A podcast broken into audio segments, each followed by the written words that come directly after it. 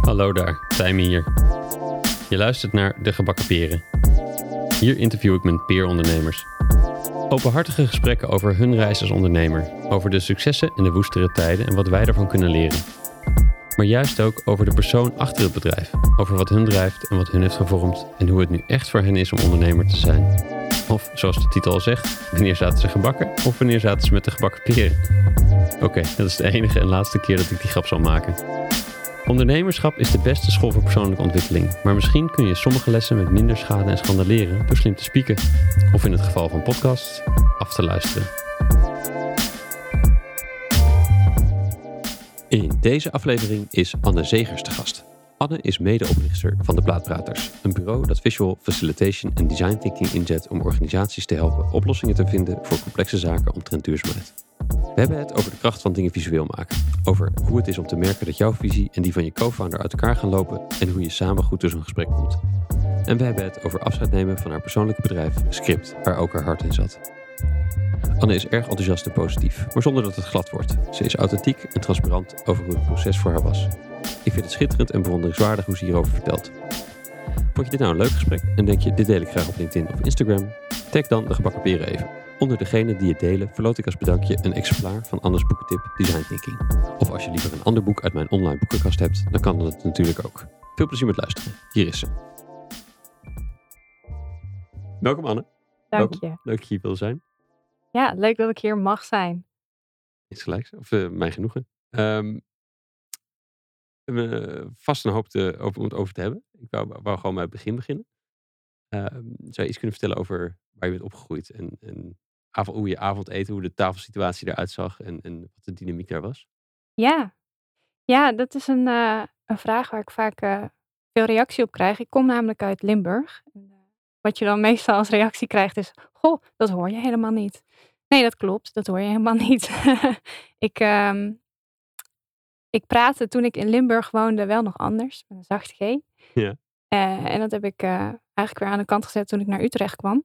Maar toen ik eh, nog met een zachte G eh, praatte, toen eh, zat ik s'avonds aan tafel met, met mijn broer en met mijn moeder. En soms ook met mijn vader, als hij vroeg genoeg thuis was van werken. Ehm, ja, ik moet even nadenken. Het is al zo lang geleden. Ik Ja. heb daar niet echt de laatste tijd meer veel aan gedacht. Maar het eten wat we daar hadden was in elk geval altijd goed. Want mijn moeder kookte meestal, die kon, die kon heel lekker koken. En als mijn vader kookte, dan was het eh, helemaal feest. Die, eh, die, mijn vader maakt chips smaken. ehm, waar je een goede neus voor nodig hebt en ook een goede smaak. Om te, om te proeven of om te maken? eh, allebei, ja. Dus hij moet dan steeds proeven van, is dit inderdaad de smaak die ik wil of niet? Ehm, en dat bijstellen. En nou ja, je kan je misschien voorstellen dat al dat goochelen met ingrediënten, dat je daar best een goede ehm, ja, smaakpalet van krijgt. En, nou ja, het was eigenlijk altijd wel goed met eten. En ehm, Hoe, hoe is dit chips smaken? Dit, dit, is, dit vind ik te leuk om, om te laten liggen. hoe is dat, waar is dat vandaan gekomen? Ehm, ik weet het niet precies hoor, maar mijn vader werkte vroeger bij, eh, bij Unox. Ehm, en is daar op een gegeven moment eh, doorgegroeid naar een soort meer... Hey, hoe zit het nou met die smaak van de producten? En die is toen naar een ander bedrijf gegaan. Ehm, en, en die is daar dus ja, in, in de eh borrelnootjesachtige sector terechtgekomen bij het vraagstuk... Goh, hoe maak je nou eh, deze soort chips? En ehm, nou, je moet je voorstellen, ik ben een keer op zijn werkplek geweest dat daar heel veel potjes staan eh, met smaken. En dan kies je de juiste potjes met aroma's uit en dan heb je een smaak. Ja, ja. nou, en dat, dat doet hij dus ook voor het avondeten en eigenlijk elk mens. Maar bij mijn ouders ging dat altijd wel goed. Ja. Is waar ik eigenlijk op doelde. Ja, ja, ja, precies, precies. Dus je vader werkte, werkte bij Unox eh, en ook andere bedrijven later. Ja. En, de, ehm, en je moeder? En mijn moeder die werkte vroeger in een, eh, in een bejaardentehuis, in een winkeltje waar zij eh, eh, een soort van de koningin van de winkel was. En zij eh, regelde alles en ze zorgde heel goed voor die mensen. En dat deed ze eigenlijk alleen maar in de, in de morgen, een paar dagen per week. Dus die had daarna alle tijd om eh, nou, mij op te vangen uit school en eh, met het avondeten dus iets lekkers te maken. Ehm, dus dat vond ik wel eigenlijk altijd heel leuk, dat, het, ehm, dat mijn ouders er waren. En eh, vooral mijn moeder, die was er veel en die, eh, die vroeg ook altijd even hoe het was geweest op school en of ik nog wat te vertellen had. En nou, dat is altijd wel een zachte landing uh, als, je, ja, als je van uit school komt. Zeker ja. de middelbare school is dat toch wel soms fijn om even je ei kwijt te kunnen. Um, en ik ging ook graag naar school, dus ik had ook altijd wel leuke dingen te vertellen. En dan, uh, nou, als we gingen eten, dan uh, was dat waarschijnlijk ook een moment waarop mijn broer er was. Mijn broer is zes jaar ouder dan ik. Um, en dat, ja, dat had eigenlijk als gevolg dat wij nooit zoveel ruzie hadden. Want wij waren toch een beetje geïnteresseerd in andersoortige dingen.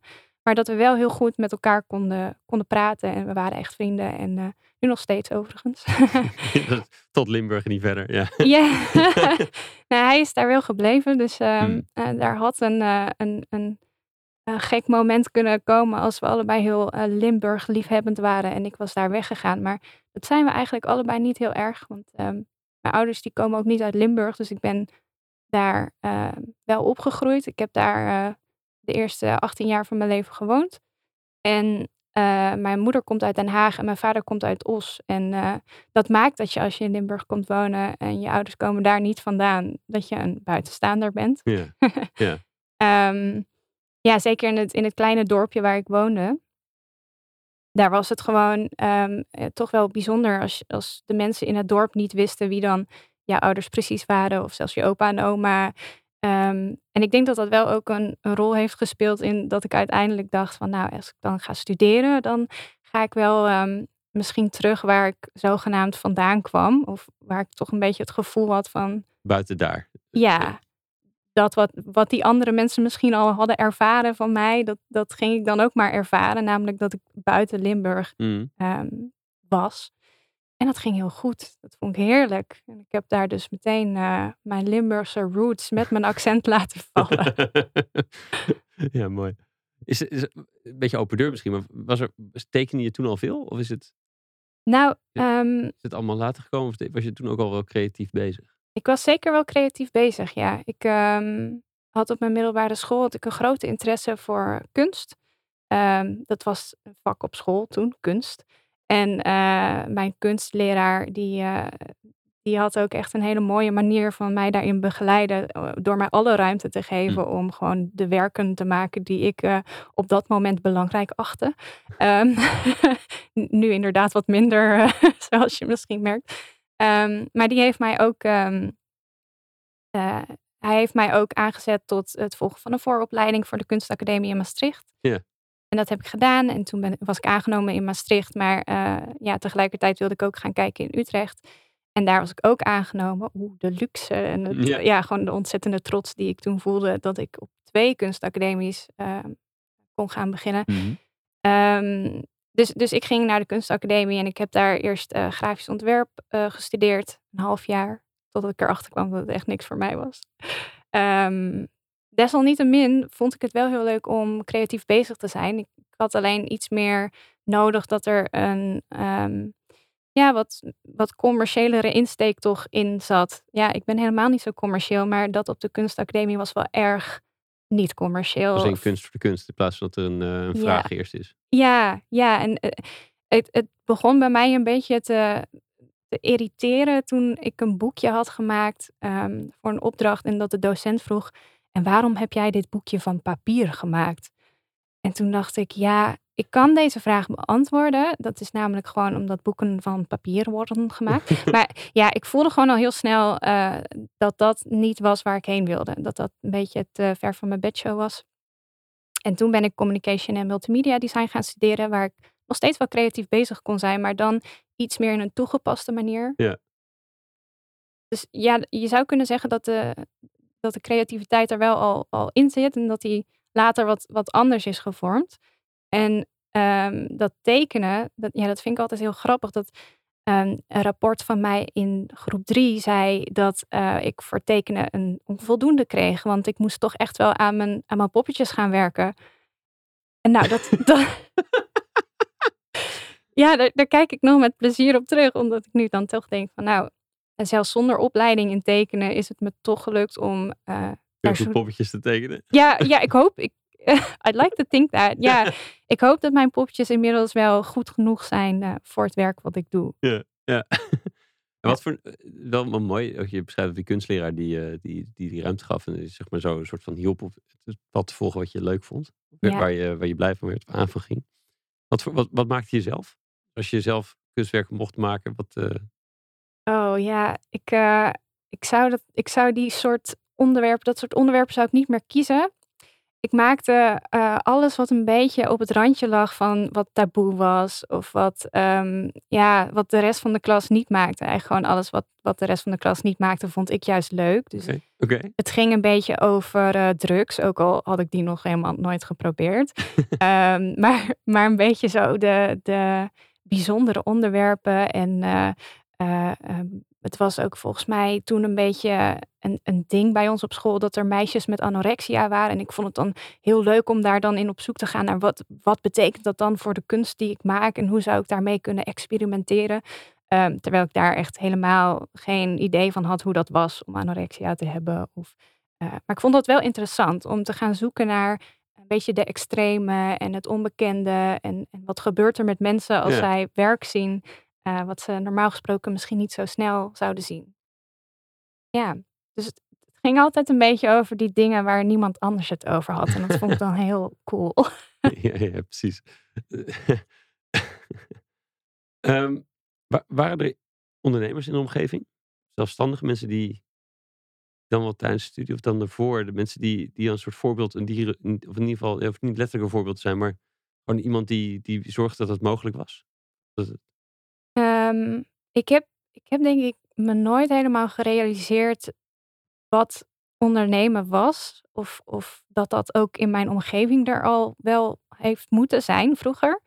Um, en ik ben echt pas begonnen met ondernemen op het moment dat ik een, een klus voorbij zag komen uh, die ik leuk vond. En dat noemde ik toen nog niet eens een klus, dat was gewoon een baan in mijn hoofd. En die zei, ja, uh, uh, we willen je graag hebben, maar je moet dan wel een KVK-nummer hebben.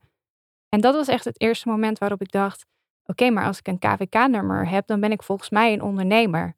Maar wat moet je daar dan voor kunnen? Was bij mij meteen de vraag. Dus dat is zo laat pas begonnen dat, ik, dat het echt een wonder is dat ik er nog, uh, dat ik er nog zo uh, in datzelfde bedrijf nog ben. ja, ja, precies. En wanneer was dit?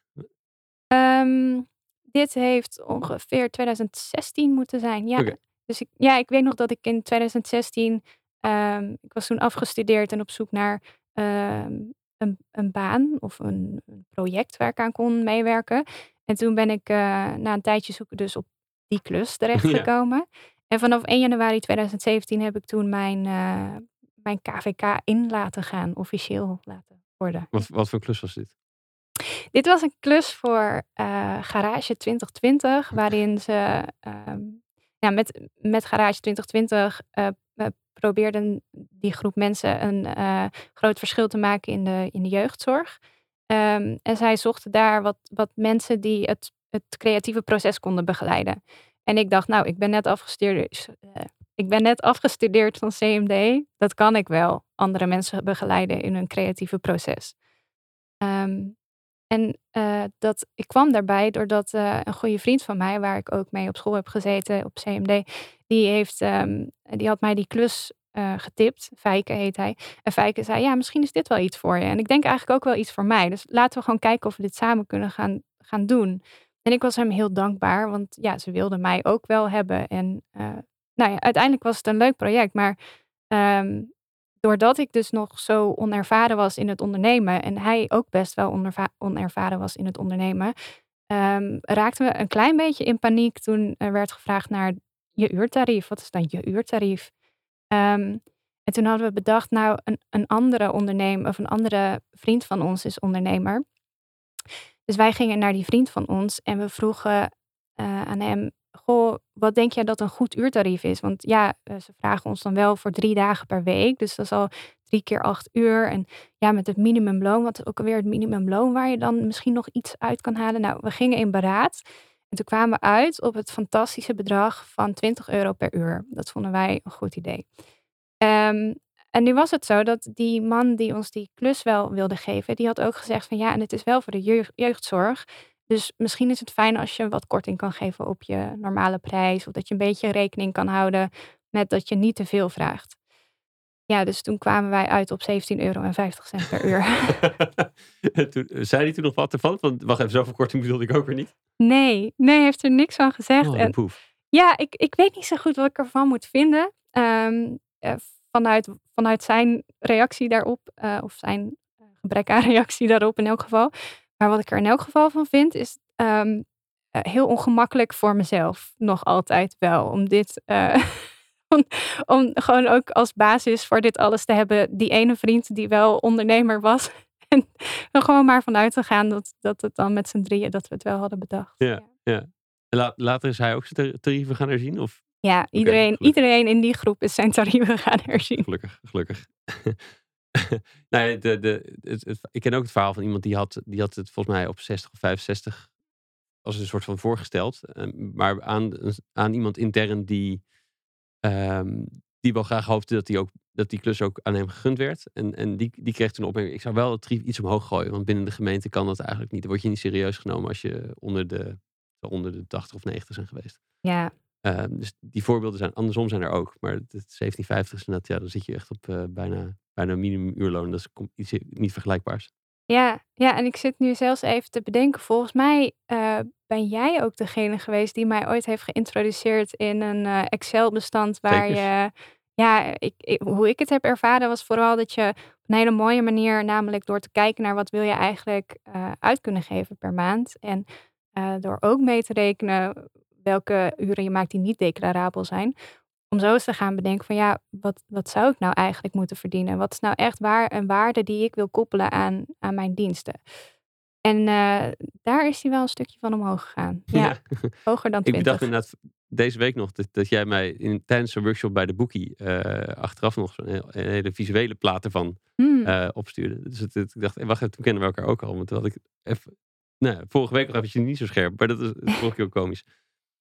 Ja, en, eh, ehm, en, en die dingen zeker meeneemt. De, de, de, waar, waar, waar wil je, hoe- hoeveel moet jouw uur kosten om ook een ehm, eh, goed, goed leven te kunnen hebben?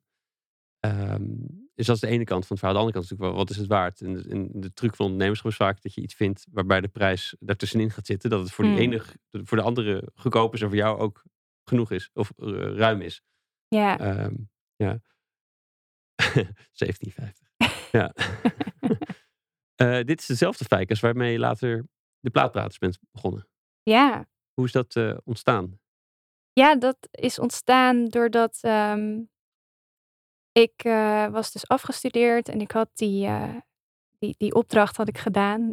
Die duurde een maand of drie en daarna ging ik dan maar verder in het ondernemersleven. Maar ja, ik had echt geen idee. Ehm, en en ik, ik was maar gewoon tegen iedereen aan het zeggen dat ik eh, ondernemer was geworden. En dan vroeg ze wat ik dan deed. En toen dacht ik, nou, ik zeg wel UX-design, want dat is mijn specialisatie geweest tijdens mijn opleiding. En eh, dan hoop ik dat het iets wordt. Maar ehm, het verbaast me eigenlijk hoeveel mensen dat nog hebben, gewoon hebben gezien. En, en, en die iets in mij zagen ehm, waarvan ik zelf nog niet echt een goed beeld had. En, en die mij klussen gaven. En ik voelde op een gegeven moment dat het wat lastig werd voor mij om nou tegen andere mensen te vertellen wat ik deed. Of dat het ook wel lastig was om me in te beelden waar ik over een paar jaar zou staan. Ehm, en op dat moment was ehm, Jens Schijbels van eh, Fundamentals Academy. eh, die, eh, die was een, een soort cursus aan het starten, of ik moet zeggen een coaching traject. En ik kende Jens van mijn opleiding eerder. Hij heeft daar les gegeven. En hij kende mij ook nog. En hij zei, hey, ik heb een coachingstraject in de aanbieding. En eh, wat we daar willen gaan doen, het heet Designers Identity. Dus je gaat als ontwerper ga je op zoek naar wat jouw identiteit is. En ik dacht, ja, dat is wel iets wat mij heel erg aanspreekt. Want ik, ik zat dus echt in de, in de wereld van CMD, wat zo'n beetje reikt van eh, print tot UX, tot apps, tot eh, nou ja, gewoon alle vormen van kunst, maar dan wat commerciëler gemaakt, in mijn woorden. Ehm, dus ik kon wel wat focus gebruiken. Ehm, ik ben dat gaan doen en het was eh, echt fantastisch. Het was volgens mij acht maanden lang dat ik ehm, eh, allerlei projecten heb gedaan en, en dat ik daarin dus werd uitgedaagd door alle coaches die voorbij kwamen om te reflecteren en te bedenken, ja, wat is nou echt de rol waarin jij het goed doet? Eh, wat vind je leuk om te doen? Waar ga je van aan? En ik kwam in de laatste opdracht die we daarvoor hadden, kwam ik in een groepje, een team met, met onder andere Fijken. En ehm, we gingen aan het werk voor een engineeringsbedrijf. En zij hadden een opdracht voor ons die heel engineering was. Waar wij dus niet zo heel veel van af wisten. Of Ehm, nou, we gingen die opdracht aan met uh, enige huivering. Ja.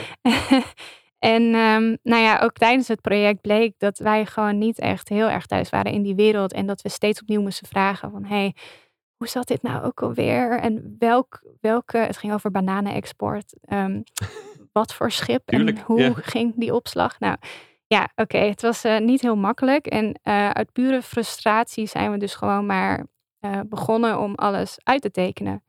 Ehm, dus die banaan zelf, gewoon om eens mee te beginnen. Um, maar ook het hele project of het hele traject wat, wat zo'n uh, banaan aflegt. Uh, dus die, die groeide dan in Ecuador en ze werden opgeslagen. En dan gingen ze met de boot gingen ze naar Sint-Petersburg en daar werden ze ook weer opgeslagen. En dat, als ik dat zo ging visualiseren, dan hoefde ik niet meer in mijn hoofd alles te onthouden of proberen te onthouden, want dat lukte niet eens. Nee, dan kon ik gewoon alles visualiseren en daar later nog eens even naar terugkijken. En heel makkelijk zien hoe, ja, hoe al die dingen tot elkaar eigenlijk in verhouding stonden. En uh, dat werkte niet alleen voor mij, want ik tekende toen best wel schetsmatig nog. Ja. Uh, maar het werkte ook voor de rest van mijn team en het werkte ook voor de opdrachtgever.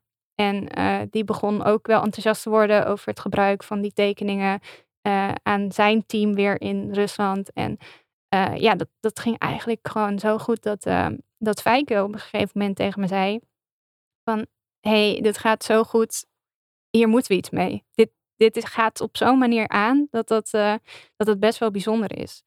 En Fijke en ik kenden elkaar toen dus al een paar jaar van de, de opleiding die we samen hebben gevolgd. Wij hebben zo'n beetje elk jaar wel ergens in een klas bij elkaar gezeten.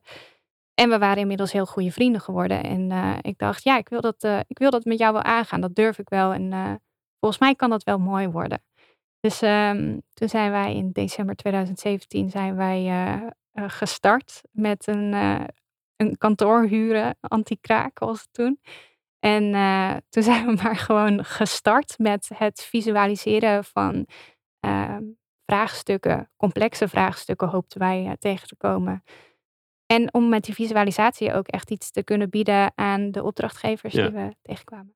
En, en, en, was dat toen gelijk de plaatpraters? Of was het, hoe zijn je op die naam gekomen? Ja, ja, was heel snel hadden we die naam bedacht. en uh, we, we, hebben volgens mij ongeveer tien keer langer gedaan over een idee voor een, van een logo dan over die naam verzinnen. Het was gewoon um, best wel snel, omdat het toen ook al wel hip was om een praatplaat te maken. Dat we dachten, nou, Let's funk it up. Heel creatief allemaal. nou ja, ik vind het eigenlijk nog steeds wel een, een, leuke naam. En hij blijft wel hangen. En mensen moeten altijd even vragen of het nou de praatplaters of de plaatpraters waren. Ik denk, ja, spreek het vooral nog maar een keer uit, zodat het heel goed blijft hangen. Ja.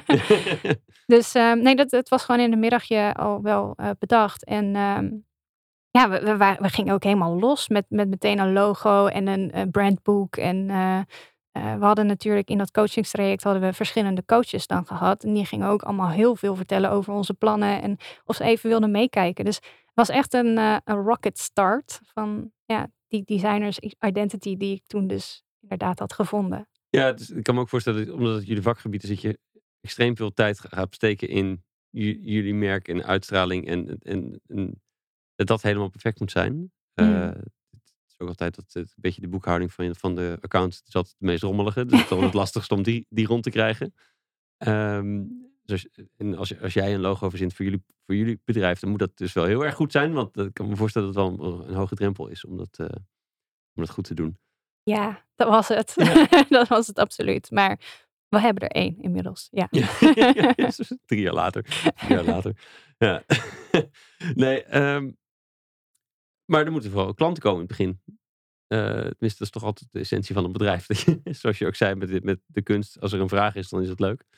Um, hoe, hoe is dat gegaan, de eerste opdrachten? Ja, de eerste opdracht was volgens mij letterlijk van uh, onze buren op kantoor. Die, uh, die vonden het meteen fantastisch wat we deden. En die zeiden, nou, ga dat inderdaad ook maar gewoon voor ons doen. En die kwamen langs op ons kantoor met wat ideeën en dat begonnen we uit te schetsen. En ze vonden het zo leuk en wij vonden dat dan weer heel erg leuk. Dus Nou, die hadden we binnen.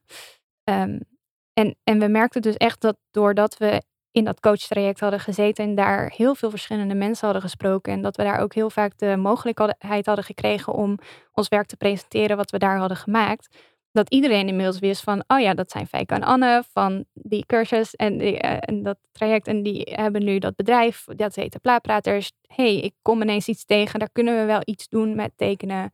Misschien moeten we daar eens even over in gesprek gaan echt ook wel via dat netwerk wat we toch hebben opgebouwd ehm, binnen dat traject. Ja, dat, dat, dat groeide enorm. Dat was echt fantastisch. Want, want dat hadden we wel gehoopt. Maar we hadden ook wel bedacht van goh, als we nu twee maanden gewoon geen opdrachten krijgen, dan moeten we toch echt eens even serieus gaan bedenken of we dit wel willen blijven doen.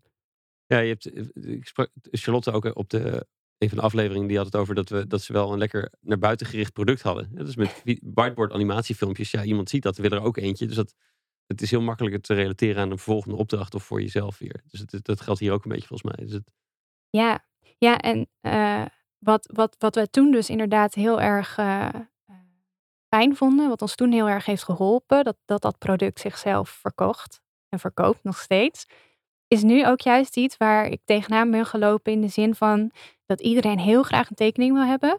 Um, ze weten ook dat ik teken, dus daar word ik vaak voor gevraagd. Um, maar het leukste eraan vind ik wat die tekening kan doen en wat er allemaal vooraf gaat aan een tekening en hoe dat juist um, een ontzettende waarde heeft binnen een team of binnen een opdracht. En dat, dat is dus ook best wel lastig dat als mensen je tekening zien, zeggen ze, ja, ik wil heel graag een tekening, dat ik dan um, nog even moet zeggen van ja, maar voordat we die tekening hebben gemaakt, zijn we echt wel een paar uh, dagdelen aan creatieve sessies verder. En dat is niet altijd waar ze, waar ze dan aan hebben gedacht. Dus daar ben ik echt tegenaan gelopen, juist later, dat het product zichzelf zo verkoopt. ja, dus je, moet het nog eventjes in het juiste uh, daglicht framen. Dus, dat, het, dat het iets anders is dan een, een, tekening van een event wat verslaglegging is of zo. Of, uh... Ja, en, en dat doen we ook. Um, dus het is best wel een, een een heel rond uh, dienst, dienstverlening concept wat we hebben. Waarin tekenen heel veel in heel veel verschillende vormen kan, kan voorkomen. Maar um, sommige mensen die, die, hebben wel, die zijn wel overtuigd van de waarde van de tekening. En dan vind ik het juist heel leuk om, om hen uit te leggen dat die waarde voor mij veel meer zit in het creëren van een tekening om daar vervolgens weer tegenaan te schoppen. Dus dat je uh, iets uh, vertelt en uh, als, de, als een tekenaar dat tekent, dan, dan heb je iets waarvan je kan zeggen van hé, hey, jij tekent het opeens heel anders dan ik het in mijn hoofd heb. Ben ik het daar eigenlijk wel mee eens? Of als er twee mensen iets hebben gezegd en je tekent dat naast elkaar, kun je bijvoorbeeld ineens zien dat er eigenlijk heel veel tegenstrijdigheid zit binnen het team. Hoe gaan we daarmee om? Ja. En dat vind ik echt nog veel leuker om, uh, om over in gesprek te gaan en om dat weer te tekenen dan het tekenen zelf. Dus als doel gaan inzetten in plaats van het, het, het einddoel. Dus ja. ook als einddoel soms zetten, is het een, maar dan is het ook wel het middel om, het, om iets te kunnen vertellen over wat er gebeurd is. Mm, yeah. uh, maar nog meer, dus, uh, dus om bepaalde dynamiek of om een zoektocht te faciliteren. Ja, en um, ik uh, heb inmiddels ook wel best wel wat tekenaars uh, ontmoet. En ik ben ook gewoon niet de beste tekenaar. Ik geef wel zakelijk tekenen trainingen, maar ik, uh, ik, ik kan ook wel tekenen. Ik bedoel, dat ga ik niet ontkennen. Het zou raar zijn om te zeggen dat ik niet kan tekenen. Maar ik ben gewoon niet de beste tekenaar. Ik teken heel simplistisch en ik ben niet zo goed in perspectief. En that's fine, want dat heb je ook helemaal niet nodig als je een gesprek op gang wil brengen. Ja, ja, ja. het is geen kunst aan de muur. Het, is, het, het dient een ander doel. Ja, ja. mooi. Ja. ja. ja, die goede tekenaar, die moet je ergens anders vragen. en je bent dus toch gaan faciliteren. Want je eerst, die eerste klus, uh, wat toen nog geen klus was, maar wat was ook een soort ook een deels facilitatieklus. Hoe, hoe, hoe ben je dat gaan ontwikkelen? Ja, eh, veel. Ik ben het veel gaan ontwikkelen en het was ook nodig. Want uh, dus toen wij begonnen met de plaatpraters dachten we, oh leuk, dan gaan we alles tekenen en dan doen we dat in groepen. En als je dan in zo'n eerste groep komt en je merkt dat daar ook wel eens weer, weerstand kan zitten. Of dat er ook wel eens iemand is die gewoon niet zoveel zin heeft, omdat hij nog wat e-mails moet beantwoorden, wat eigenlijk wel urgenter is dan dat wat we En dit is een groep die, uh, die nou, door, de, door de klant bij elkaar gebracht is, waar iets moet gebeuren. En dan, ja, niet iedereen heeft dat, dat ja, ja, nee, herkenbaar. Ja, nou, het kan natuurlijk best ook wel um, best wel heftig zijn als je uh, afgestudeerd bent. Ik was toen, uh, geloof ik, uh, 24. En ja, je, je moet allemaal mensen van boven de 40 even gaan vertellen wat we hier gaan doen vandaag. Er zit best wel vaak iemand tussen die zegt, nou ja, eh, ik weet uh, op zichzelf ook wel wat ik het beste kan doen. Of uh, ik doe het werk al zo lang. en daar, daar heb ik ook echt mijn weg in moeten vinden. Want um, ja, of, of het nou, um, ik vind het like it or not, een meisje van 24 die wel even een groep gaat begeleiden. Mm.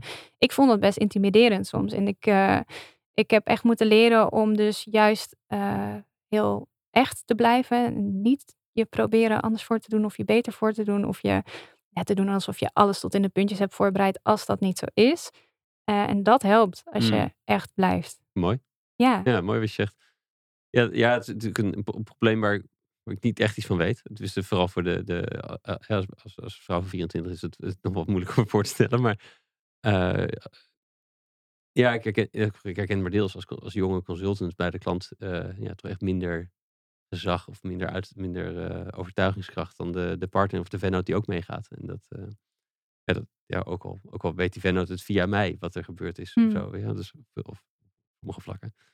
Ja. ja, ik weet niet of ik trouwens je, je vraag al heb beantwoord, maar dus die, die facilitatie, die, die moest er wel komen. Ja. Die, die uh, vaardigheid daarin. Dus we hebben daar heel veel training in gehad. Ja, dus wat, wat voor dingen ben je gaan doen? Um, nou, we hebben als eerste gewoon gegoogeld op facilitation uh, training, dat ja. soort dingen. Um, en we kwamen toch ook al gauw weer terug op dat netwerk van coaches, wat ik al eerder even noemde. Die, dus uh, Jens, die heeft ons ook weer heel fijn begeleid in allerlei trainingen. Maar ook de coaches en het netwerk daar weer omheen, die hebben we, ja, we hebben het gewoon, hebben er goed gebruik van gemaakt. En um, ja, na een tijdje um, begin je dan iets meer ja, je thuis te voelen in het netwerk van mensen die creatieve sessies faciliteren. Die dan ook weer tips hebben voor trainingen. Um, en ik ben bijvoorbeeld ook veel meer gaan doen op het gebied van persoonlijk leiderschap. Om daar um, ja, om wat sterker een idee te hebben over wat voor soort facilitator ik dan wil zijn. En hoe ik mij daar het beste voor kan inzetten. Um, ja, facilitatietrainingen die, die kunnen zeg maar uh, heel erg gericht zijn op je groepsdynamieken. En dat, dat vond ik in eerste instantie heel belangrijk. Maar ja, het gaat ook gewoon over hoe kan je het beste een creatief proces uh, uh, ja, neerzetten en dus ook zo faciliteren. Uh, dus het heeft ook vele, vele kanten waar ik nog steeds um, zeg maar meer aan het ontdekken ben dan wat ik bij kan houden om ingetraind te worden. Ja, ja. Maar dat is alleen maar leuk. Ja. Mooi. En hoe zou je nu je stijl als facilitator omschrijven? Wauw, goede vraag. Nou, wat ik, wat ik hoop dat, dat er gebeurt, is dat er ruimte is voor iedereen. Um, dus ook juist voor die mensen die in de weerstand gaan, dat die ook mogen zeggen wat zij te zeggen hebben. En daardoor, ja, dat je daardoor even de groep ook echt kan laten zien van je mag hier echt alles zeggen. Ook als dat misschien niet gewenst is of gewenst lijkt. Um, en ik vind het ook altijd wel uh, belangrijk om mensen even terug te brengen naar het, uh, het waarom. Waarom zijn we hier eigenlijk? En, en dat wat we nu aan het bespreken zijn, helpt dat bij het beantwoorden van die vraagstukken. Um, dus ik hoop altijd dat um, ja, door, een, door een externe blik te werpen op datgene waar veel mensen al ja, maanden of soms jaren al mee bezig zijn, heb je eigenlijk altijd wel iets unieks te bieden. En dat tekenen, wat ik dan daarbij gebruik, dat helpt ook om uit te zoomen en um, om even stil te staan, vanaf een afstandje te kijken naar hey, klopt het allemaal nog wel wat we hier aan het doen zijn? Ja. Dus dat is een vraag die ik, uh, die ik altijd wel wil stellen. En dat ik, ja, ik hoop ook dat die vaak zo overkomt. Um, want soms kan het ook wel eens lijken als je veel de waarom-vraag stelt. Kijk, ik kan jou nu vragen: waarom heb je eigenlijk die trui aangedaan vandaag? En dat kan ook doen voelen alsof er iets mis is met de trui die je aan hebt getrokken. Waarom heb ik een aangetrokken? Dus, um, ik heb er nu een beetje spijt van. nee, ja, en, en, die waarom-vraag, die moet ik dus ook altijd wel met aandacht brengen, zodat die uh, ook echt wordt gezien als waarom. Hmm. Niet als, ik vind het eigenlijk niet leuk, dat. Ja, waarom heeft een soort aanvallend tintje af en toe inderdaad. Hmm. Ja. ja, grappig. Mooi. Um, en toen, dus jullie zijn hard aan de slag gaan. Er kwam, iedereen wist opeens in de omgeving van uh, jullie doen iets met tekenen. En, en, en, hoe ging het verder?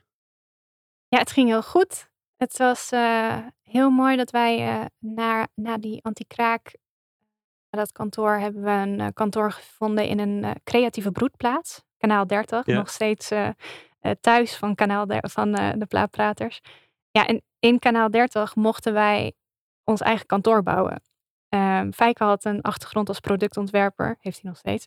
En eh, nou, zijn, zijn ogen begonnen zo een beetje te, te glinsteren toen we in een lege lood zaten. En eh, dat we daar rondliepen. En, en de verhuurder van het pand, die zei dus van ja, je mag hier, je mag hier alles bouwen wat je wil. Als je een caravan naar binnen wil rijden, dan, dan is dat je kantoor. Maar je mag ook gewoon iets from scratch gewoon gaan bouwen. Dus ik keek opzij en ik zag een soort verliesde fijken naast me. En ik dacht, oh, ik weet al wel volgens mij dat dit het gaat worden. En, en dat we inderdaad helemaal vanaf nul een, eh, een hokje gaan bouwen. Ehm, dus wij hebben daar een, eh, een kantoorkast gemaakt, zo noemen we het kantoor.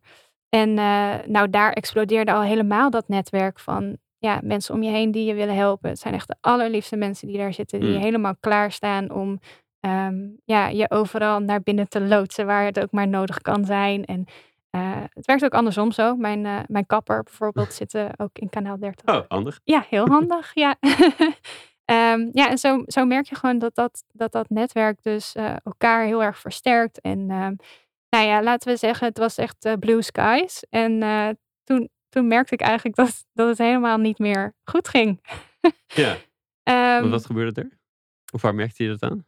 Ik merkte al wat langer dat er, eh, dat er vaker bij mij de vraag opkwam van... hey, ehm, doen we het eigenlijk wel op de manier waarop ik het zou willen doen, dit werk?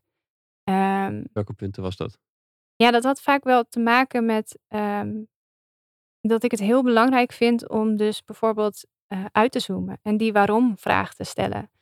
Eh, of dat het, dat het ook wel soms bijna een soort coaching, psychologisch-achtig tintje mocht hebben van mij.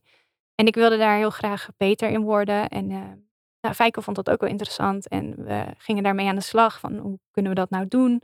We hadden dat dan allemaal op papier staan. En ik merkte dat, nou ja, hoe langer eh, zeg maar dat, dat gevoel er was, hoe groter het eigenlijk werd. Dus ik merkte dat ook tijdens sessies dat ik wat geïrriteerder raakte als het dan niet ging zoals ik dacht dat de bedoeling was. En nou, daar hebben we best wel veel gesprekken over gehad. En ik kon daar ook wel, ehm, ja, ik kon er best wel fel ook in zijn. Dat ik echt dacht van, ja, hé, ik baal er echt van. En hoe kan dat nou? En hoe kunnen we het nou wel goed krijgen? Want jij wilde het toch ook? En nou ja, Fijke wilde dat ook wel. En, ehm, en toch lukte het niet.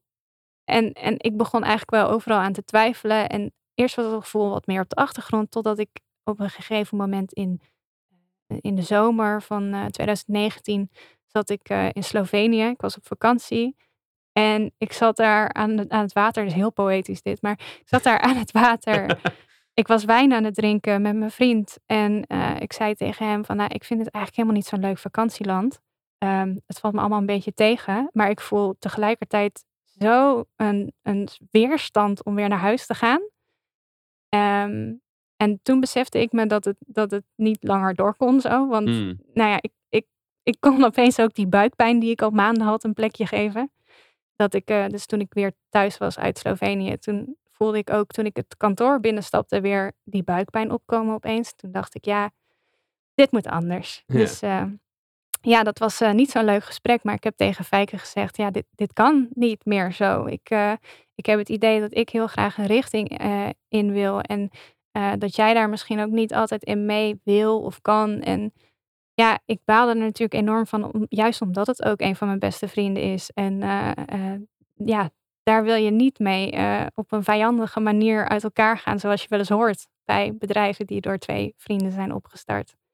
Ja, je moet misschien nog even slikken dat je misschien dus uit elkaar zou kunnen gaan. Ja, en ik wist ook wel dat, dat, dat het best een pijnlijk, eh, een pijnlijk iets was om te zeggen van mij naar hem. En ehm, Als in voor hem om te horen. Ja. Ja, eigenlijk was dat het. Ja, dat is veel beter voor het. Ik wist dat het pijnlijk was voor hem om te horen, eh, doordat ik dat ging zeggen.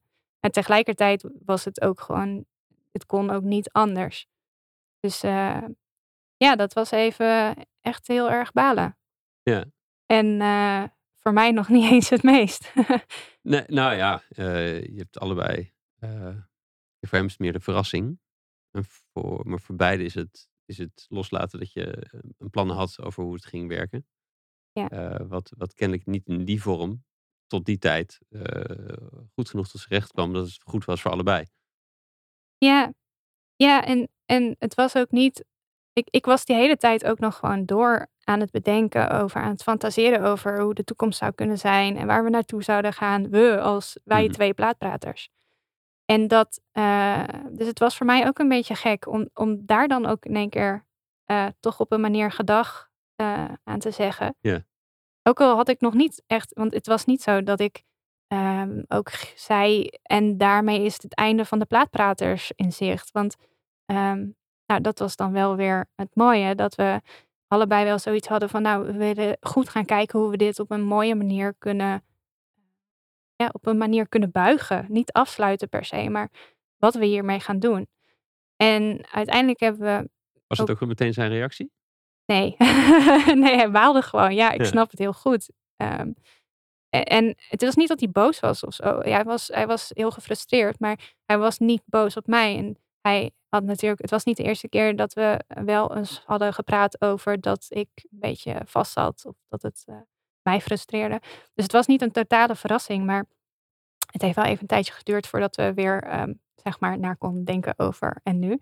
Ja, het zou ook wel extreme emotionele volwassenheid vragen om gelijk, Ja. eh, gelijk door te kunnen gaan naar stap 5, zeg maar. eh. Ja, Eh, en nog even, wat, wat, wat frustreerde het bij jou precies? Was het dat de opdrachten niet de ruimte gaven voor het werk die je wilde doen? nou, ik denk dat ik eh, iemand ben die hele hoge eisen aan zichzelf stelt, maar ook diezelfde eisen aan haar omgeving stelt. En, en botvierde die eisen zich op Fijk of op de opdrachtgevers? Eh, op Fijken en op mij en op de opdrachtgevers. Ja, gewoon Overal. alles. ja, nee, ik, ehm, ik heb laatst een, eh, een cursus omgaan met woede, angst en weerstand gevolgd. Dat was misschien wel een goede. Ik, ik heb Klinkt vaak gezellig. wel. eh, ja, ik ben vaak wel eh, boos eh, en, en ik probeer daarmee om te gaan. Maar ik ben vaak boos uit, uit een bepaald gevoel van onmacht. En hier kwam die onmacht, denk ik, uit dat ik heel erg een idee had van. En zo moet het zijn. En zo, zo wil ik ook zijn. En dat ik mezelf niet de tijd gunde, of Fijke de tijd gunde, of mijn opdrachtgevers de tijd gunde, om in dat plaatje te passen. Dus ik had nog niet de kwaliteiten om, ehm, ja, om echt heel erg goed eh, in te kunnen gaan op alle problemen die er speelden. En de opdrachtgevers, die mochten allemaal wel wat duurzamer voor mij. En die, je moet het ook maar weer gewoon doen met wat er is. Want zo luxe hadden we nou ook weer niet dat we mochten kiezen, zeg maar. En ehm, ja, uiteindelijk ehm, was dat gewoon. Ik, ik wist wel dat het niet realistisch was om dat meteen van mezelf te verwachten. Maar het lukte ook niet helemaal om daar samen in eh, een, een soort praktisch groeiplan in te vinden. Of, of een vertrouwen dat we daar snel zouden komen. En ehm, ja, dat, dat, eh, dat is er nog steeds niet. Maar eh, ik, ik vind het nu toch ergens wel heel prettig dat ja, waar, we op uit, waar we op uit zijn gekomen, waar Fijk en ik op uit zijn gekomen, is dat. Um, nou, we hebben even bedacht, wat, wat gaan we nou doen met het bedrijf? Want we vonden het allebei nog steeds uh, zo'n mooi concept en zo, ja, iets wat we gewoon lief hadden, de plaatpraters, dat we dachten, dit mag niet verloren gaan. En we hebben een paar verschillende opties overwogen. En uiteindelijk is daar dus uitgekomen dat ik verder ga met de plaatpraters op kantoor. Zeg maar, ik doe de acquisitie, ik zorg ervoor dat Um, dat de opdrachten worden voorbereid. Uh, en uh, daarbij gebruik ik heel vaak en graag andere mensen, uh, omdat die ook weer mooie perspectieven kunnen bieden. andere perspectieven dan, dan mijn externe perspectief. Um, en Fijke is een van die mensen. En doordat ik nu zelf um, helemaal in mijn eentje mag bepalen van al het moois dat er uh, in de wereld is over tekenen, over creatieve processen, waar ik voor wil gaan. Nou, daar kan ik heel mooi wel een, mooi, ja, een vertaling maken naar wat ons brand is en hoe ik heel graag wil dat mijn plaatpraters ook uh, diezelfde overtuigingen hebben en met diezelfde ideeën en hetzelfde enthousiasme aan het werk gaan. Dus wat er eigenlijk is gebeurd is dat um, al die plannen die ik, uh, die ik meteen in uitvoering wilde laten gaan, die zijn nog steeds niet in uitvoering gegaan. Ik ben nog steeds niet een volleerd persoon in wat dan ook. Um, maar ik vind het heel fijn om zelf te kunnen kiezen en nou, eigenlijk ook wel de schuld bij mezelf te kunnen leggen als het misgaat. Ja, het is minder machteloos. Ja. Ja, dat is best ook wel raar. Want ik, ik denk hier vaak over na. Maar als ik het dan tegen jou moet zeggen, dan vind ik het ook weer alweer heel bijzonder. dat ik zo, zo uh, sadomasochistisch uh, um, denk over dit Graag alles. schuld bij jezelf kan leggen. Ja, ik bedoel, van, van dit verhaal wat ik nu vertel naar uh, ik ben iemand die tekent. Dat klinkt heel anders. ja, ja, ja. Um, ja, nee, maar grote opluchting dat ik dus heb gekozen voor. Ja, een, nou ja, dat we samen hebben gekozen voor wat het nu is. Ik ben degene die uh, een visie maakt. Ja. En ik hoop dat er mensen uh, als plaatprater aanschuiven die daar ook zo over denken, die daar ook energie van krijgen. Is het vooral de andere plaatpraters of ook, ook de klanten die, die, die bepaalde die een opdracht moeten gunnen, uh, waar die ruimte ook is? Ja, dat is een mooie vraag. Want um, ik ben nu, nu sinds een tijdje steeds wat zekerder van mijn eigen ideeën. Dat komt misschien ook wel door de grote verandering in het bedrijf. En um, die opdrachtgevers, die, uh, nou ja, de potentiële opdrachtgevers, die vragen dus vaak om een tekening. Ja. Um, en ik zeg steeds vaker nee. Of ik zeg steeds vaker, ja, ik kan wel een tekening geven. Maar ik geloof er eigenlijk in dat je veel meer waarde kan bieden als die tekening dan ook nog eens wordt gepresenteerd en dat mensen daar ook nog eens iets van kunnen vinden. Uh, en dat we daar een aanpassing op gaan doen. Niet alleen in de tekening, maar ook gewoon in het echte, de echte opdracht die daar uh, omheen zit. Um, ik ben je vraag vergeten. Nou ja, um, het, het, dus gaat het om de, de plaatpraters die beter in die visie passen, of ook de opdrachtgevers. En volgens mij dus ook de opdrachtgevers. Je bent ja. dus ook nee aan het zeggen tegen bepaalde klussen die, die, die ruimte niet gaven, die, waarbij, waarbij als je die ruimte niet hebt om te doen wat je, wil, wat je eigenlijk wil doen, uh, je vastzit. Ja, ja. En ik heb uh, begin dit jaar heb ik een nieuwe website uh, gelanceerd, heel leuk en heel erg enthousiasmerend. En niet alleen voor mij, maar ik heb het idee dat door die nieuwe website, wat echt een heel praktisch en, en echt ding is, dat er een soort gedachtegang of een soort passie de wereld is, uh, in is geholpen. Die inderdaad ook zegt van, nou, ik wil een bepaalde visuele strategie, dienstverlening de wereld in slingeren. En ik wil uh, dat doen omdat ik graag behelp, bedrijven wil helpen om duurzamer te zijn. Want dat is mijn grote persoonlijke passie, Ja. duurzaamheid. Um, en ik merk dat sinds ik dat heb bedacht en besloten en, en die website er is en ik dat tegen mensen vertel, dat mensen ook opeens naar mij toe komen voor visuele strategievraagstukken. En dat die tekening, ja, die zit er soms niet eens meer bij. En het is heel gek, maar ik ben dus heel blij dat die tekening er soms niet meer bij zit. Dat maakt het andere uh, uh, officiëler, nee niet officiëler, maar wel geeft er iets gestalte aan die andere kant die er ook bij hoort. En Ja. het uh, er af en toe even bij kunnen trekken. Ja. Het is, het is wel ironisch dat het wat de, het, het persoonlijk moeten maken van de website doet, eh, eigenlijk ook is wat je oh, naast de tekening hoopt te brengen bij de opdrachtgever. Dat is een grappige weerspiegeling. Mm. Ja, Ehm, hoe is het gesprek verder gegaan nog met Fijken? goeie vraag. ik ben heel blij dat het gesprek is ver- verder gegaan. Ik Ja. ben eh, blij dat we, ondanks dat er een tijd was dat we wat minder contact hadden, wat ik heel gezond vind, want we moesten er allebei echt even van bijkomen. Ehm, er was een moment eh, vorig jaar, Fijkes verjaardag, toen heb ik, eh, ja, we, we waren nog steeds vrienden, maar het was echt wel wat meer op, de, op afstand ge- gekomen en niet door corona per se. Ehm, ik heb hem uitgenodigd voor een diner. En we gingen daarheen en het was gezellig als van oud. ja, en ik ja. heb het idee dat, eh, dat er toen ook even wat dingen gezegd werden eh, die gezegd moesten werden. En dat we daarna eh, weer een beetje meer open stonden voor weer een wat hechtere vriendschap. En ehm, weer wat meer liefde voor elkaar. Ja. Ja. Ehm, Fijke die is verder gegaan met zijn bedrijf in ja, hout. Hij maakte meubels Die fonkeling in zijn hout. ogen was, eh, die was echt. Ja. en, en hij doet dat heel goed. En, en dat zien mensen. En hij is daar onwijs succesvol in, eh, in geworden. En eh, dat, dat- ja, daar ben ik onwijs blij om. Dus het doet mij heel goed. Ja, dat is natuurlijk ook een beetje het, het wegnemen van schuldgevoel als je ziet dat het met de ander heel goed gaat. Maar ik wens het hem ook echt uh, uh, met heel mijn hart toe dat het goed gaat. En uh, ik ben heel blij dat ik dus gisteravond weer in zijn nieuwe huis met zijn vriendin mm. samen heb, heb zitten klussen. En dat, dat, dat daar weer ruimte voor is. Want ja. ja. je hoort toch ook wel gewoon best wel vaak dat dat echt mis kan gaan. Ja, ja. Het heeft even tijd nodig, dat denk ik ook wel. Ja, ja grappig. Grappig. Uh, mooi om te, te, zien. En ook fijn dat het dan ook weer in dit geval ook goed komt. Ja, absoluut. Ja. Um, vanwaar die, die, die behoefte om het explicieter over duurzaamheid te willen hebben? Um, duurzaamheid is iets wat ik vanaf de basisschool al belangrijk vond. Um, Hoe uitte zich dat toen?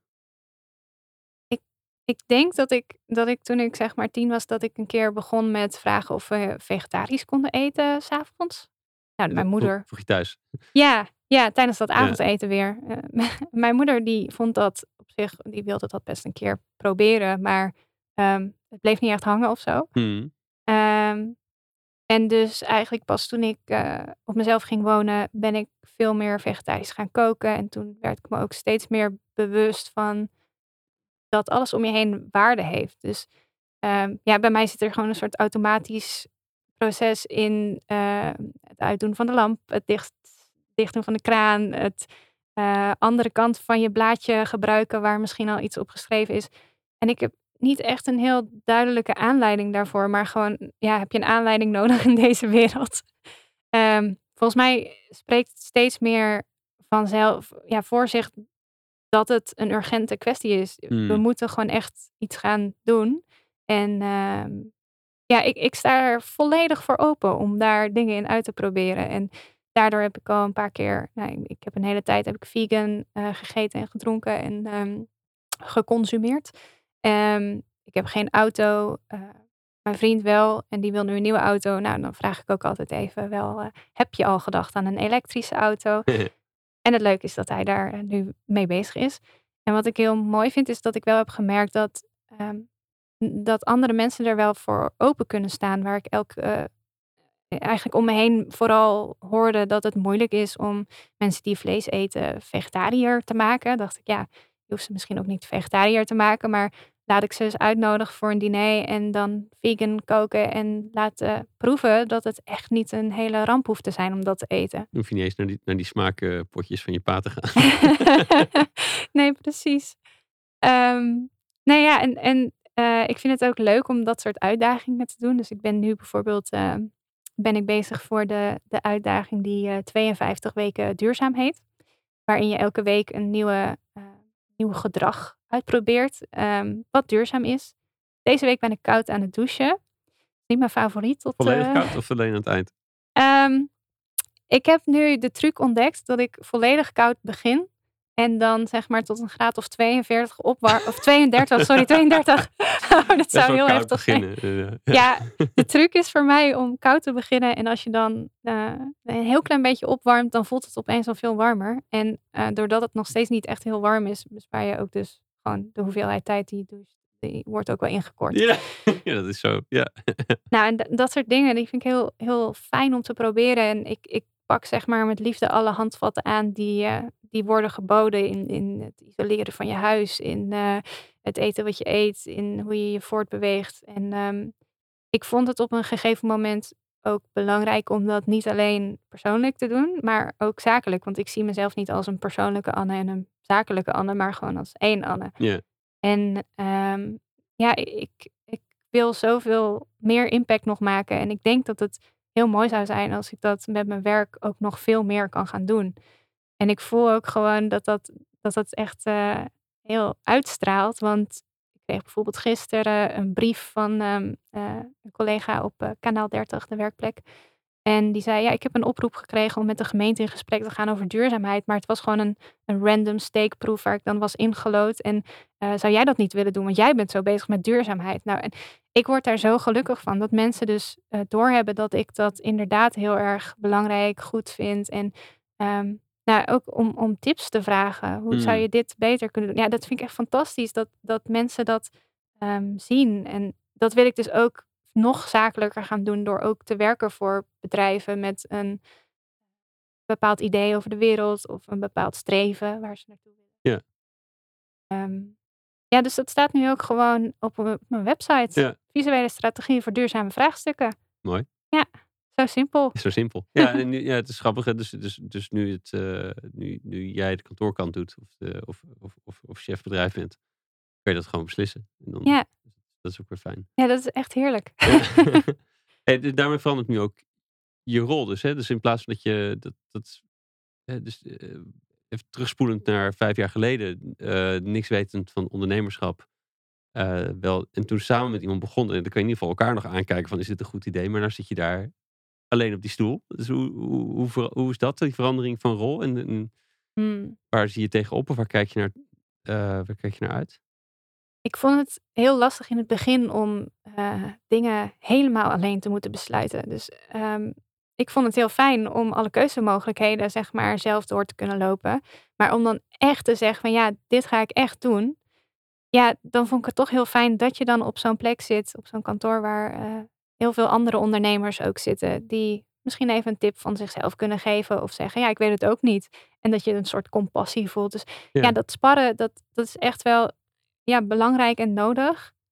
Eh, wat vroeg je ook alweer? Nou ja, hoe, je, hoe, hoe dat al- alleen heerschappij zou ik zeggen. Maar eh, ja, gewoon eh, alleen de baas zijn. Zonder dat je direct een sparringspartner hebt die gelijk is. Ehm, wat natuurlijk ook een 50-50 probleem kan opleveren. Maar ehm, nou, hoe, je, hoe, je nu in je eentje de koers moet bepalen, de beslissing moet maken, hoe je dat, hoe je dat aanvliegt. En, Ja, ik vind het heel leuk om, eh, om daar ook eh, open in te blijven en actief in te blijven. Dus eh, het volgen van workshops, van webinars. Nou, dat is nu eigenlijk alleen maar makkelijker geworden. Je hoeft een alleen- webinar is eh, genoeg, ja. Ja, je hoeft maar in te tunen en weer out te tunen. En dan heb je de tips die jij interessant vindt, die neem je mee.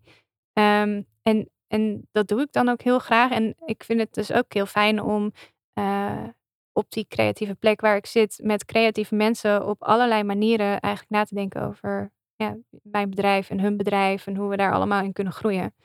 Dat, dat doet me echt wel iets, dat, dat gezamenlijk Ja. eh, ondernemer zijn. En het, maar uiteindelijk moet je toch zelf de, de, de knoop doorhakken. Ja, ja, en ik ben daar denk ik wel redelijk een gevoelsmens in. Wat, wat heel tegenstrijdig is met alle bullet journals en lijstjes die ik normaal gesproken eh, bijhoud. Ik voel eigenlijk al vaak wel meteen in mijn onderbuikgevoel. Is dit het of is dit het niet? Dan heb ik soms alleen nog wat bevestiging nodig van anderen. Ja. En ja, mooi is dan ook alweer dat eh, mijn vriend is, eh, die werkt ook op dezelfde plek. En daar heb ik het ook vaak over mijn onderneming en alles wat ik daarin spannend vind en wat ik daar leuk in vind. En waar ik eh, op de momenten dat ik eigenlijk graag bevestiging zou willen, dan, dan ga ik vaak naar hem toe. En hij geeft mij nooit die bevestiging. Hij stelt altijd een hele vervelende vraag. Namelijk die vraag die mij doet, doet twijfelen aan mijn onderbuikgevoel. En dat is eh, verschrikkelijk en ook heel inspirerend en leerzaam. eh, en zijn manier van doen, die neem ik dus ook weer heel graag mee in mijn werk. waar ja, ik maar je anderen... verzamelt dus een enorme een, een collage aan alle mogelijke invalshoeken van iets. En, en, maar hoe hak je dan alsnog die knoop door? Ja, ik, is- ik zeg echt onderbuikgevoel. Ja, uiteindelijk wint, die- wint die. Ja, en het is ook wel eens soms, soms word je een beetje van je stuk gebracht door, door ja, verhalen van anderen of iemand die zegt, nou, dus ik zou dat echt niet aanraden. En dat neem ik ook echt wel aan. Alleen ehm, het- vaak zit er toch ergens wel een kern van waarheid in. En nou ja, soms moet je even nog iets dichter bij die kern komen om dat dan helemaal goed te voelen. Ehm, nu is het niet zo dat ik gewoon als een tip zonder kop mijn, mijn gevoel volg. Ehm, maar ik leer wel heel graag van anderen die het alles eerder hebben gedaan. Ja. En eh, ja, zeker. Ja, en, en een valkuil van op zo'n plek zitten en het gaan anderen, aan anderen gaan vragen, is vaak nog dat het of, of net niet helemaal raak advies is, of dat er geen, niet echt ruimte is voor het hele verhaal. Dat het te snel moet. Is dat, doe, doe je daar nog iets bewust voor om te zorgen dat je, dat je een, een waardevol gesprek hebt op die manier? Nee, we lunchen altijd samen. Ja. Dat, is, dat is wel, ja, ehm, dat is iets wat ik denk ik eh, heel lastig zou vinden als ik ehm, thuis zou werken, bijvoorbeeld als ZZP'er. Ja, Eh, dat je dan niet even ook ehm, ja, even, even los kan laten met z'n allen. En eh, tegelijkertijd ook dat er even iets, iemand iets op tafel kan gooien. Van hé, ik baal echt van deze klant. Ja. En dan hoef je niet altijd advies te geven, want dat is ook niet altijd wat je op dat moment wil. Maar toch even gewoon een, een luisterend oor van iemand die op dezelfde ondernemende manier snapt wat je bedoelt. Ja, precies. Ehm, ja, ik weet niet, dat is niet helemaal een antwoord op je vraag misschien. Nee, nee, maar, nee, maar dit- dit- als, als die ruimte er wel is, in zo'n gelegenheid, is het geen probleem. Vaak in borrels of netwerkdingetjes. Ja, dat is het echt. En, en eh, tegelijkertijd vind ik het ook heel leuk. Ik heb nu een business buddy en we spreken ehm, ja, elke drie weken of zo spreken Ja. we af. En ik ben dan ook wel weer heel goed in, ehm, in tegen haar zeggen, nou, eh, ik ga de komende drie weken ga ik hier aan werken. En dan stel ik mezelf doelen en dan, eh, ja, ik weet dat ze meekijkt en dan ga ik dat dan ook echt wel doen. Want Ja. ik wil niet eh, de volgende meeting zeggen dat ik, eh, dat ik heb geluierd en dat er niks eh, van is gekomen. Maar sowieso, doelen stellen, dat, dat kan ik sowieso wel heel goed. Dus als ik iets in mijn hoofd heb, dan, dan kan ik daar ook echt helemaal gefocust op gaan. Ja. En, dat, dat is wel heel handig, heb ik gemerkt. En als je dus je doelen ehm, eenmaal hebt, als je dat eenmaal die afweging hebt gemaakt, dan kun je ook heel veel subacties of andere dingen waar je keuzes in moet maken, die kun je dan eigenlijk ophangen aan dat grote doel dat Ja. je wil bereiken. Ja, ja, ja, precies. Je, je breekt het op in kleinere stappen en, en dit gaat de goede kant op. Ja, dat is eigenlijk gewoon een visie. Als je, als je een goede visie hebt, dan kun je alles wat je daar ehm, wat je tegenkomt, wat niet misschien direct daarmee te maken lijkt te hebben, kun je toch even op die schaal afwegen van goh, past het wel of niet Ja. binnen mijn visie als ik het Ja, zo doe. een toets. Ja. Mooi. Ehm, was er nog een ding om je oude merk, je scriptmerk, los Mm. te laten? Ja, het is misschien handig om even een soort van de achtergrondinfo dus te geven. Dat, dat eh, het bedrijf dat ik in eerste instantie heb opgezet voor die allereerste klus waar ik een KVK-nummer voor nodig had, dat Ja. was Script. En eh, de Plaatpraters was eerst een handelsnaam van Fijke. En eh, die heb ik dus overgenomen toen ik ook het kantoorwerk van de Plaatpraters overnam. Eh, de volledige bedrijfsvoering ook wel. Ja. Kantoorwerk klinkt een beetje raar. ja. ja. Ehm, en ik begon te merken dat toen ik die twee merken allebei had, dat mensen voor de verkeerde dingen, voor mijn gevoel de verkeerde dingen, bij de verkeerde bedrijven terechtkwamen. Dus voor visual note-taking vroeg ze bij de plaatpraters of ik eh, tijd had. Dan zei ik, ja, dat is goed, maar dan stuur ik wel even een mail nu vanaf mijn script-account. Ja, ja. Wat heel raar voelt, want je stuurt nog steeds dezelfde info, alleen via een ander e-mailadres. Ehm, en tegelijkertijd kwamen er ook weer meer visuele strategievraagstukken bij script binnen. Dat ik zei, oké, maar dan ga ik wel even verder je verwijzen naar deze website. Andere pet op. Ja, en ehm, ik besefte me na niet al te lange tijd dat het wel ook best wel wat gevraagd is van mensen die in principe dus niet zoveel hebben met visueel, want daarom vragen ze mij, om daarvan te verwachten dat zij precies het verschil te snappen tussen ja, zakelijk tekenen als, als visual note-taking of echt ehm, het visueel faciliteren van, van allerlei bijeenkomsten. Ehm, en toen dacht ik, nou ja, dan, dan moet ik het misschien maar toch een keertje gaan onderbrengen onder hetzelfde. Ik bedoel, zoveel verschil zit er nu inmiddels ook weer niet meer in. Ehm, maar het was nog wel een moeilijke keuze om dan te kiezen voor script of voor de plaatpraters. Want script was eh, ja, na een tijdje toch ook wel heel succesvol geworden. En ik deed, toen ik de plaatpraters deed met Fijke, deed ik ook zo ongeveer één keer, één dag per week wel een opdracht voor script. Ehm, en het was echt iets wat heel erg van mij was. En Ja. nou ja, je snapt misschien in die struggle met Fijke en, en hoe ik daarin moest, eh, alles een beetje moest afwegen met de ander, eh, vond ik het heel fijn om een merk voor mezelf te hebben. Dus toen ik me had bedacht, ehm, toen ik had bedacht dat de, de plaatpraters visuele strategie, dat dat echt iets is waar, waar ik, ja, waar mijn, mijn hart ligt en waar mijn ambities ook liggen.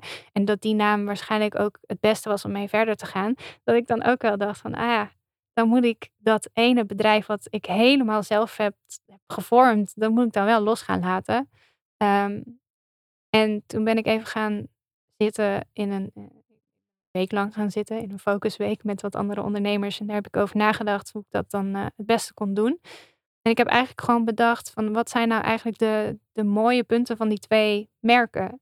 En eh, uiteindelijk ben ik erop uitgekomen dat van script vond ik het enige mooie punt wat ik daarvan mee wilde nemen is dat het zo Anne was. Dus ik heb de plaatpraters inmiddels ook wat meer Anne gemaakt. Dus door het eh, meer te richten op duurzaamheid, Ja, Ehm, en om daar eh, nog meer die, die visie in terug te laten komen die ik, eh, ik heb. En daarmee was het eigenlijk wel goed. En ik, uh, ja, het, het, het, klinkt zo suf, maar ik, ik heb ook echt even um, nu nog steeds de tijd nodig om ja, een soort mini-rouwproces door te gaan over dat eerste bedrijf. Waar ik dan toch wel heel trots op ben. Hè? Want ik heb dus nooit um, bedacht ondernemer te worden. En, de eerste tijd was ik echt niet succesvol. Maar ik was best wel trots op een gegeven moment dat dat was gelukt. En dat, um, dat met de hulp van anderen en, en zelf hulp zoeken en overal over leren. Dat ik inmiddels gewoon een goed maandinkomen had, had weten te, te regelen voor mezelf. En precies op de manier ja, die mij was. Um, en die is uh, nu overgegaan in de plaatpraters. Maar is toch gewoon ook een stukje script. Ik, ik heb de visitekaartjes nog niet weg durven gooien. ja, ja, ja, ik vind het wel knap hoe je het beschrijft. Want het ergens is het dus ingewikkelder. Er zitten meer voordelen aan praatpraten, plaatpraten door te gaan. Doe ik ja. uh, het heeft meer voordelen, maar het is ook ingewikkelder. Dus je moet wel eventjes... Oh ja, wacht even. Dat eigenlijk die. Maar ah, dan moet je dus iets moeilijks doen. Want er zit, minder, er zit iets meer vervlochtenheid en meer ballast bij. Ja. Moet je toch iets meer. Het, het, het, is, het was naast Slovenië het, het simpelste om te zeggen: klaar plaatpraters. En ik ga in mijn eentje weer verscripten. Ja. Um, maar knap dat je deze weg bent gegaan. En ja, nee, zeker. Volgens mij uh, klinkt alsof het inderdaad nog een klein beetje losgelaten vrouw een, een rouwprocesje nodig is. moet, iets in de, moet iets in de fik gestoken worden. ja, dat is het misschien. Goed idee. um, ja, mooi. En ook goed om te horen dat je die trots ook wel toestaat. Ik moet het vaak ook weer van anderen horen. Dan, in plaats van dat je het gewoon, omdat je het zelf leef je het te veel. Of is het uh, te vanzelfsprekend. Of zie je zoveel anderen om je heen het ook doen. Dus dan zal het wel normaal zijn. Uh, maar vrienden die het niet doen, zien vaak van... Oh, ik snap echt mijn god niet hoe dit allemaal gebeurt de hele tijd. Maar ik, snap, dat, ik vind het heel knap, weet je dat. Uh, het is wel goed dat je het toch over jezelf durft te zeggen. um, ik ben benieuwd naar... ik had je gewaarschuwd dat die vraag gekomen. Dat, boeken, tips, inspiratiebronnen uh, kunnen docus zijn, kan van alles zijn. Hmm. Die uh, luisteraars willen meegeven. Ja, ik, ik ben dus zelf niet heel erg een lezer. Uh, tenminste, ik lees graag, maar ik, ik vind het best moeilijk om uh, te lezen over mijn vakgebied en daar heel aandachtig in te blijven. Maar um, ik moet meteen denken aan uh, de boeken van Toon Tellegen. Ken je dat? Ja. De eekhoorn en de mier. Ja, ik, ik, ja, dit is misschien uh, mijn hele persoonlijke insteek, maar dit soort verhaaltjes. Ik heb een boek gekregen van mijn vriend. Dus diezelfde vriend die, uh, die geen bevestiging geeft, maar wel hele vervelende vragen stelt. Ja. Eigenlijk is dat hele. Leuke jongen klinkt dat. Hij is heel leuk, absoluut. dat hele boek wat ik heb gekregen is een grote verzamelbundel met al dat soort verhalen. Is eigenlijk één grote vervelende vraag. En uh, dat vind ik, uh, vind ik heel inspirerend. Uh, heb je een voorbeeld hoe, hoe, hoe, dit, hoe dit moet opvatten? Waar, waarom dat een vervelende vraag is? Nou, het zet je echt wel aan het denken um, over waar gaat het verhaal eigenlijk over? als um, de springhaan op bezoek komt bij, ik geloof dat de eekhoorn is in zijn winkel. en hij weet maar niet wat hij moet kopen, maar hij wil zo graag iets kopen ja, dat, dat doet mij denken van, ja, wat, waar zou dat nou voor kunnen staan? En er is ook geen antwoord op, hè, want het, staat helemaal niet ergens voor. Het staat gewoon voor datgene wat jij vindt waar het voor staat. Ehm, maar die vind ik nog wel eens heel erg mooi om, uh, ja, om een beetje uh, mijmerend voor het raam mee uh, de middag door te ja, brengen. Ja, um, en als we het dan hebben over echt strikter zakelijke boeken. Um, ja, dan, dan moet ik meteen denken aan het boek van uh, This is Service Design Thinking. Dat heb ik al in mijn eh, CMD-studiejaren eh, gekocht en gelezen.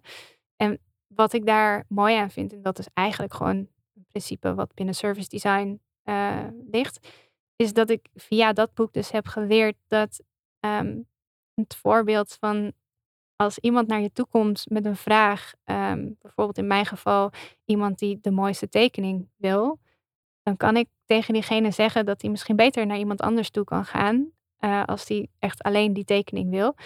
Uh, omdat hij daar gewoon beter mee geholpen is. En dat is de beste dienstverlening die je, die je kunt geven. En dat is ook wel het deel waarom ik ooit verliefd ben geworden op service design. En waarom ik me daarin ben uh, gaan verdiepen. en ik vind dit boek wel een hele mooie eerste stap daarin. En Teun den Dekker is mijn, um, mijn afstudeerbegeleider geweest. Die heeft een service design bureau in Venlo, Lab.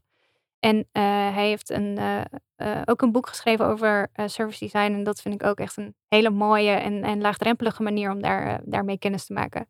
Ehm, wat, wat gek is. Want Hoe ik, heet die trouwens? Dat tweede boek? ik geloof dat hij ook service design heet. Gewoon letterlijk dit. Die service design die hebben ook titels voor een boek. Maar- Nee. I might be wrong. Ik, ik ga dit dubbel checken. Cool. Er komen hier drie linkjes voor drie mooie boeken. Ehm, heb je nog eh, tips over eh, hoe- te starten met visueel, visual note-taking of visueel eh, dingen visueel maken? Hmm.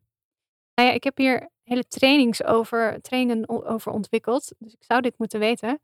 Nee, Ehm, dat is één tip. Ja, dus de, de, Volgende training. ja, nee, vol- ja, die, die zakelijk teken, tekenen training is natuurlijk een tip. Ja, ja ik vind die, die trainingen altijd heel leuk om te geven. En dat is, dat is niet omdat. ehm, ja, vaak bij andere trainingen dan heb ik het idee dat als je dat hebt gevolgd of zo'n webinar en dan ben je klaar en dan denk je zo, ik heb nu echt iets geleerd en dat kan ik meteen gaan inzetten. En bij tekenen is dat niet zo, want eh, ja, je, je gaat niet een dag op tekentraining en dan kun je tekenen. Je moet dat echt heel erg gaan oefenen. Maar wat ik dus mooi vind aan zakelijk tekenen, is dat je helemaal niet goed hoeft te kunnen tekenen om iets duidelijk te maken. Voor mij gaat zakelijk tekenen echt heel erg over ehm, hoe communiceer je een boodschap het meest effectief en efficiënt. En ehm, daarvoor hoeft een tafel geen perspectief te hebben als je hem tekent. Maar het moet wel duidelijk zijn dat het een tafel is. Maar eigenlijk kom je daar al door drie streepjes te zetten. En ehm, ja, mijn tip aan mensen is dan ook om gewoon eens te gaan zoeken. Weet je, Google Images heeft zo'n eh, eh, woordenboek aan, visueel woordenboek aan voorbeelden. Dus mijn tip zou altijd zijn, begin gewoon eens met het overtekenen van, eh, stel je voor dat je een fiets wil tekenen. Hè? Ehm, hoeveel fietsen zien we wel- niet op een dag voorbij komen. Maar als je hem gaat tekenen, ja, je weet niet waar je moet beginnen. Het, het frame is gewoon ingewikkeld. En eh, ik heb hier ook tegenaan gelopen in de eerste eh, zes maanden van mijn tekenaarschap. Dat ik heel bang was dat er iemand het zou hebben over een fiets. Want dan wist ik het gewoon niet. Dus hoe zit, zit die driehoek nou zo? Zit die driehoek zo? Ja, ja nee, maar echt. En, Die wielen lukken nog wel. Maar... en wat ik toen heb gedaan, is dat ik gewoon eh, op Google heb ge- gezocht naar fietsillustratie of bike illustration. En wat er dan gebeurt, is dat je even zelf niet meer al het denkwerk hoeft te doen. Mhm. En je kan gewoon even gaan zoeken van, hé, wat, wat zie ik hier nou tussen staan dat mij wel haalbaar lijkt. En dat dat voor mij ook de juiste soort fiets eh uitbeeldt. En als je dat gaat eh, natekenen, dan, dan ehm, hoe vaker je het natekent, hoe meer je hand een soort muscle memory, choreografie-achtige dansje kan doen. Ehm, en dan, dan wordt het dus steeds makkelijker om het eh, niet alleen om te weten hoe je een fiets kan tekenen, maar ook om te snappen dat, dat er misschien best wel wat lijnen weg kunnen vallen. Dus dat je niet het, het hele frame tot in detail nodig hebt. En dan teken je misschien een fiets.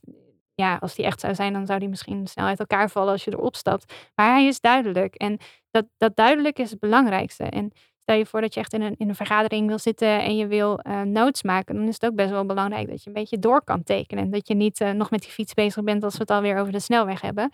Hem zo Ehm. goed gaat tekenen dat hij niet uit elkaar zou vallen. of erop gaat zitten. Ja, nee, dat was... eh, Ja, en, Ja. en, en wat, daar, wat daar ook wel echt de sleutel tot is, is niet alleen het oefenen en het doorhebben, zeg maar, hoe, hoe simpel iets te tekenen is, maar ook dat je jezelf zoveel vergeeft. Want ehm, ja, ik, ik maak ook soms wel eens ehm, eh, dingen die ik gewoon niet zo mooi vind of die ik niet zo goed gelukt vind. Ehm, soms valt er gewoon de helft van een verhaal weg. Eh, maar ik weet wel dat ik altijd, zeg maar, de, de kern van de kernboodschap van het verhaal, die zit erin. Want daar vraag ik altijd van tevoren even Ja. naar. Ik zorg er echt wel voor dat er, dat er gewoon staat wat er moet staan. En soms valt er gewoon een zin van iemand weg die je misschien wel erin had gezet als je het wel goed op de juiste manier had gehoord. Maar dat is helemaal niet erg, want eh, mensen vinden het zo leuk als er ergens een tekenaar is die eh, zijn of haar perspectief eh, op, op het verhaal geeft. En dat is volgens mij het allerleukste. En of jij dan een tafel maakt met perspectief of zonder perspectief of met maar twee poten in plaats van vier, daar gaat het helemaal niet om. Het gaat erom dat je vast- waarschijnlijk zie je wel wat, wat je bedoelt. En dat is al lang heel erg tof, want het geeft jouw visie weer van dit verhaal wat er verteld wordt. En dat is mooi. mooi. Ja. Met minder ballast tekenen. Mooi. Ja, Ik denk dat we in de afronding gaan. Dat is goed. Ik neem nog even een, eh, een slokje water. Ik ben helemaal een beetje moe van mezelf horen praten, maar ik vond het wel heel erg leuk. Volgens mij vindt de luisteraar er nog, er nog wel meevallen. Ik, eh dankjewel voor dit mooie gesprek. En ehm, dat je, zo, dat je open wilt te praten over, over de, wat er moeilijk ging, wat er mooi ging. Eh, en, en, en ik vind het heel fijn dat je explicieter de duurzaamheidskant op gaat. Uh, ik, ben, ik ben erg dankbaar voor het, werk wat je nog gaat doen en hebt gedaan. Dankjewel. Als laatste, um, is er een ideale klant waar je graag voor zou willen werken? Waarvan, waarvoor we misschien, misschien met wat hulp van wat luisteraars een linkje kunnen creëren. Ik ben heel benieuwd wat voor linkje dit gaat worden. Maar um, ja, als ik het heb over duurzaamheid, dan, dan moet ik natuurlijk ook denken aan de Sustainable Development Goals. Ja. Dat is gewoon iets waar ik veel dingen aan toets en waar ik veel mee bezig ben. Um, ja, en, en dat heeft er wel toe geleid dat ik gewoon echt wel droom van een klus bij de VN. Uh, en om daar met uh, complexe vraagstukken uh, aan de slag te gaan, op een visuele manier.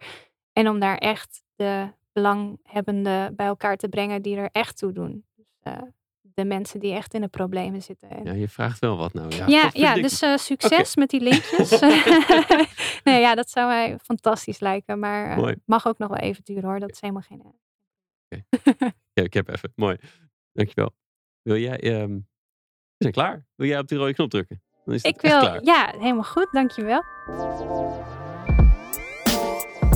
Ja, dat was hem alweer. Dankjewel voor het luisteren. Wil je zeker weten dat je de volgende aflevering ook vindt? Abonneer je dan op de podcast. Je weet hoe dat werkt in de app die je gebruikt. Weet ook dat ik van alle afleveringen uitgebreide show notes met de lessen en de links uit het interview maak. Deze vind je op www.studiogeorge.nl slash podcast. En ik ben heel benieuwd hoe je het gesprek vond. Waar kon je geen genoeg van krijgen of waar zou je meer van willen horen tijdens de gesprekken? E-mail me op tijmen.studiogeorge.nl Als laatste, na elk interview werk ik één inzicht uit in een korte blog. Die stuur ik met liefde naar je inbox, gepaard met wat links die me inspireerden die week. Meld je aan voor dit Espresso Shot strategie op www.studiogeorge.nl slash shots of strategy. Allemaal aan elkaar. Heb een goede dag en tot de volgende.